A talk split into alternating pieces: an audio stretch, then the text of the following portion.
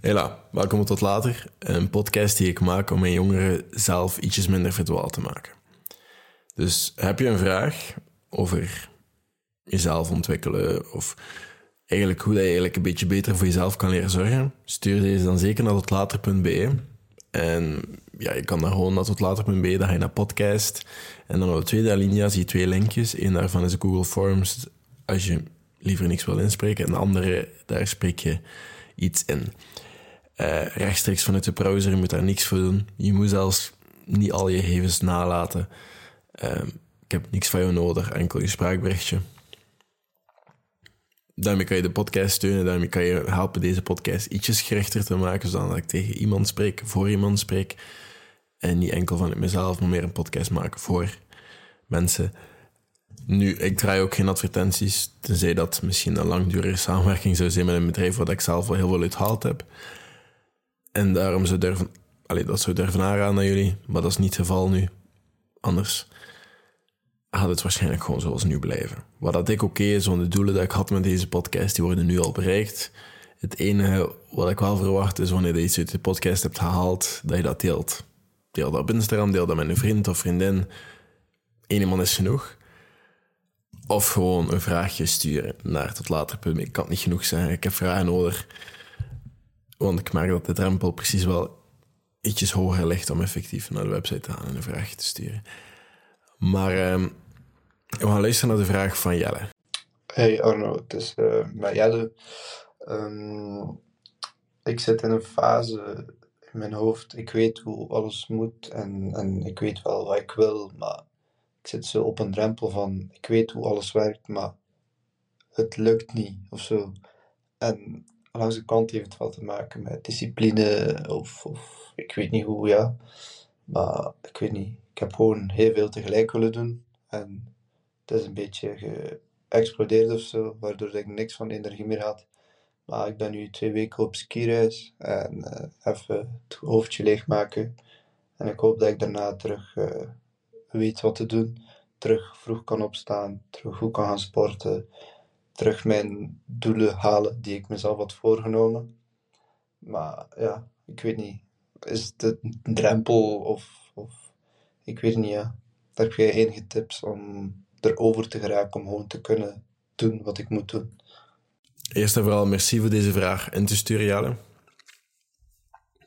Uh, maar dus vandaag gaan we, gaan we met deze vraag aan de slag. En het gaat over discipline, of hoe dat je eigenlijk kan voorkomen dat je stilvalt. We kennen het allemaal wel, je weet wat je moet doen, maar je hebt gewoon geen zin. Of je wilt eigenlijk veel te veel doen, om dan eigenlijk uiteindelijk helemaal niks te doen. En hoe pak je dat nu aan? Wat is die drempel waar we eigenlijk zoveel tegenaan gaan lopen?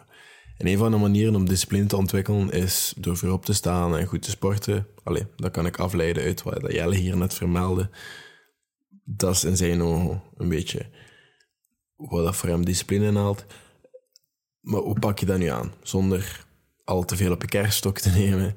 Het is belangrijk om realistische doelen te stellen en een haalbaar plan te maken, al die dingen. Maar hoe gaan we dat doen?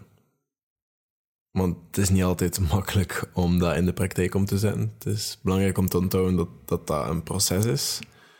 En dat je niet van de een op de andere dag gedisciplineerd gaat zijn. Nu, Jelle is wel zeker bewust van het feit dat er iets mis is. Want wat ik hier uithaal is dat Jelle bewust is van dingen die moeten gebeuren, voordat hij energie uithaalt. Maar er zijn ook heel wat gaatjes in de boot die de boot een beetje doen zinken. En als hij niet oplet, zit hij zonder energie en zinkt de boot, want ondertussen zijn die gaatjes kraters geworden. Nu, het is wel een reactie op het, op het gegeven dat er misschien al even niet veel gebeurd is. En misschien begint hij zich schuldig te voelen omdat, omdat hij al een tijdje niet doet wat hij in zijn nog moet doen. En hij heeft geen energie. En eh, soms moet je misschien gewoon het, het moeilijke gaan doen. En dat brengt mij naar het volgende. En dat is niet per se een reactie op de vraag, maar ik zie dat wel als een mooie inloop om een keer te spreken over dit onderwerp. Soms moet je gewoon de moeilijke dingen doen. Ik plaats sinds recent alle dagen een paar stories van dingen dat ik doe. En vaak zijn dat dezelfde dingen.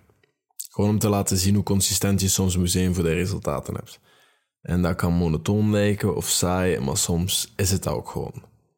Nu, in mijn dagelijks loopje heb ik nooit het gevoel dat het saai is. Het is hard en het is soms wel een klein gevechtje. Maar zo plaatste ik zaterdag een story over... Ik had net 16 kilometer gelopen. En de laatste dagen ben ik al mijn PR's aan het breken, omdat mijn conditie eindelijk zijn vruchten begint af te nemen van al die trainingen. Maar heel mijn rechtervoet, alleen vooral mijn tenen waren aan het bloeden. En ik deed mijn schoenen uit en toen ik thuis kwam zag ik een bloedvlek op mijn sok. En ik dacht, oei, dat is niet goed. Maar uiteindelijk was het al bij al niet zo erg. En was ik de volgende dag perfect in staat om terug te gaan lopen. Maar iemand had mij een berichtje gestuurd dat hij meer denkt van een masochist te zijn. Nu, dat is iemand die plezier of zelfs genot haalt uit de vernedering of eh, pijn. Ik snap die redenering. Ik ben zelf oprecht overtuigd dat er telkens een nieuwe kans ligt aan de andere kant van afzien.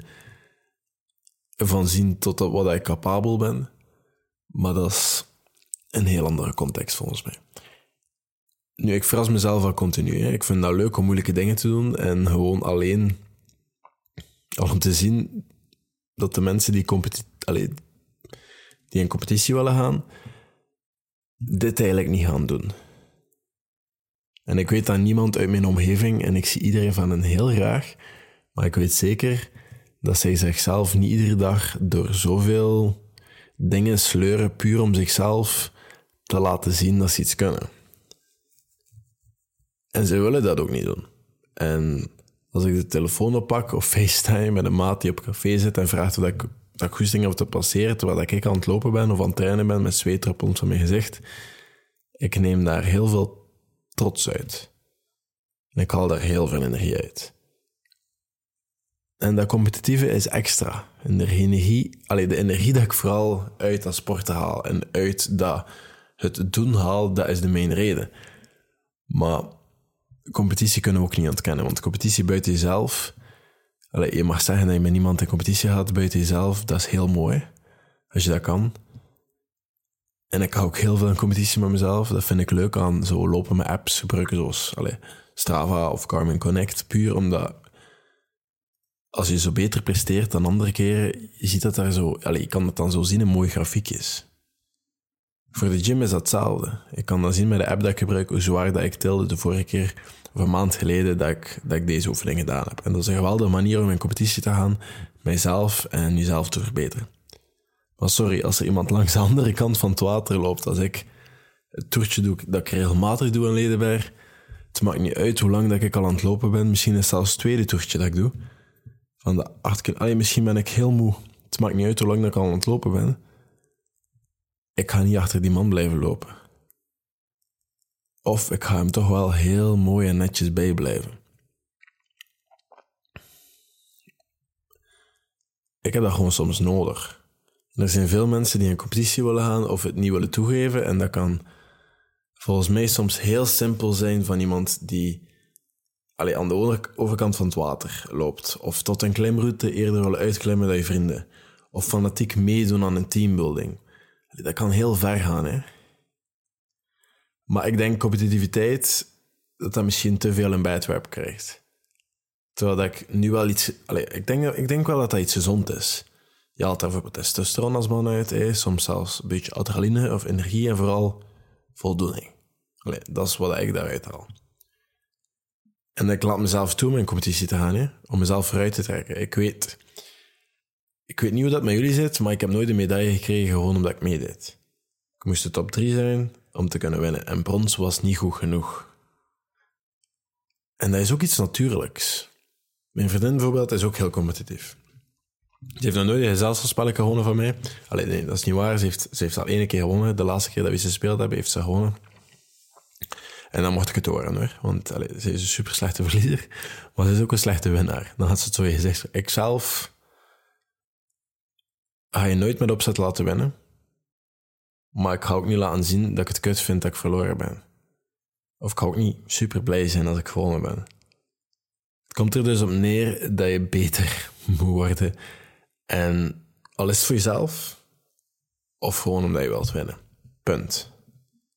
Maar de belangrijkste regel van al, de regel dat, dat ik misschien vooral aan Jelle wil meegeven, is als je zegt dat je iets gaat doen, doe dat ook gewoon.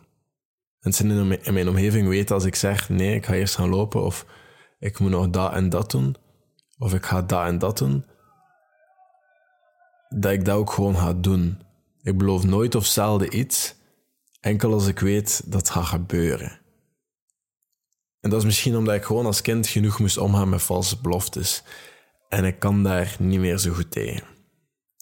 Maar als je mij iets vraagt en ik zeg dat ik dat ga doen, hoop ik dat de andere persoon dat niet in vraag stelt en weet dat ik dat ga doen. Zo niet wil ik gerust dat vertrouwen opbouwen en bewijzen dat ik doe wat ik zeg dat ik ga doen.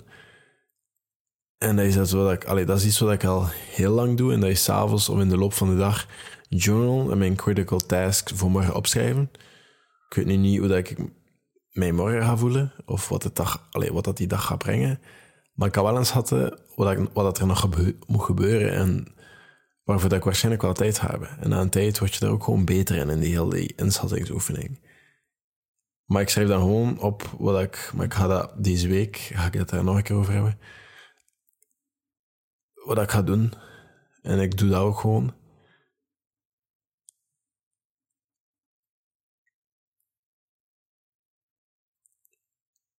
En mijn dag heeft ook gewoon bepaalde routines. Ga lopen of trainen, supplementen nemen, douchen, lezen. Ik heb bijvoorbeeld net So Good I Can Ignore You gelezen van Cal Newport. Hè. Topboek. Ik ben ook net begonnen aan It's Your Ship. Het ligt niet bij me, dus kan de auteur niet zeggen. Ehm, maar ik heb ook wel ondertussen al een paar audioboeken uitgelezen, waaronder Endure van Cameron Haynes en ehm, de eigenaar van Onnit, een zeer succesvol bedrijf, heeft ook een boek geschreven. Ben ik ook naartoe aan het luisteren, bijna uit. Uh, maar again, ook daar de titel um, ontglipt mij even. Maar ik ben alleen na mijn routine ochtends of zo ben ik eigenlijk gewoon naar mijn Google Calendar te kijken in, over, uh, in overeenstemming met mijn tasklist en ik begin die zaken dan gewoon uit te voeren. En had het niet meer over te veel doen of te weinig. Je legt je eigen lat en je eigen standaard. En je doet wat je gisteren hebt gezegd dat je gaat doen. En je doet dat iedere dag opnieuw. En volgens mij kan je dan ook gewoon niet verliezen. Volgens mij is dat gewoon de lat. Volgens mij is dat hier moet je zijn. Bam, ik bepaal zelf wat ik doe. Ik bepaal zelf hoeveel dat ik doe. Wanneer dat ik het doe. Punt. Dat is het voor vandaag. Dankjewel dat je geluisterd hebt naar deze aflevering van Tot Later. Hopelijk heb je er iets uit kunnen halen. En vergeet niet om je vragen naar mij te sturen via totlater.be, zodanig dat ik episodes zoals deze kan blijven maken. Maar onthoud ook gewoon vooral dat, dat dat gedisciplineerd zijn en al die zaken, dat dat een proces is. Dat dat niet, dat dat niet altijd even makkelijk is om dat te ontwikkelen en dat dat heel belangrijk is om, als je dat, als je echt wil opbouwen voor jezelf, dat je daar heel realistisch in bent. En dat je iedere dag een oefening maakt om, als je dingen opschrijft dat je gaat doen, dat je dat weet ook, okay, ik kan dat realiseren, ik kan dat ook effectief doen. En dan ook gewoon in competitie aan mijzelf, met andere mensen als dat gezond is. En gewoon je eigen lat en standaard niet te laag leggen, want je moet die ook soms missen, die lat. Anders ligt die ook niet hoog genoeg. Maar gewoon, het komt er allemaal op neer. Als je zegt dat je iets gaat doen, doe dat dan ook gewoon. Bedankt om te luisteren en tot later.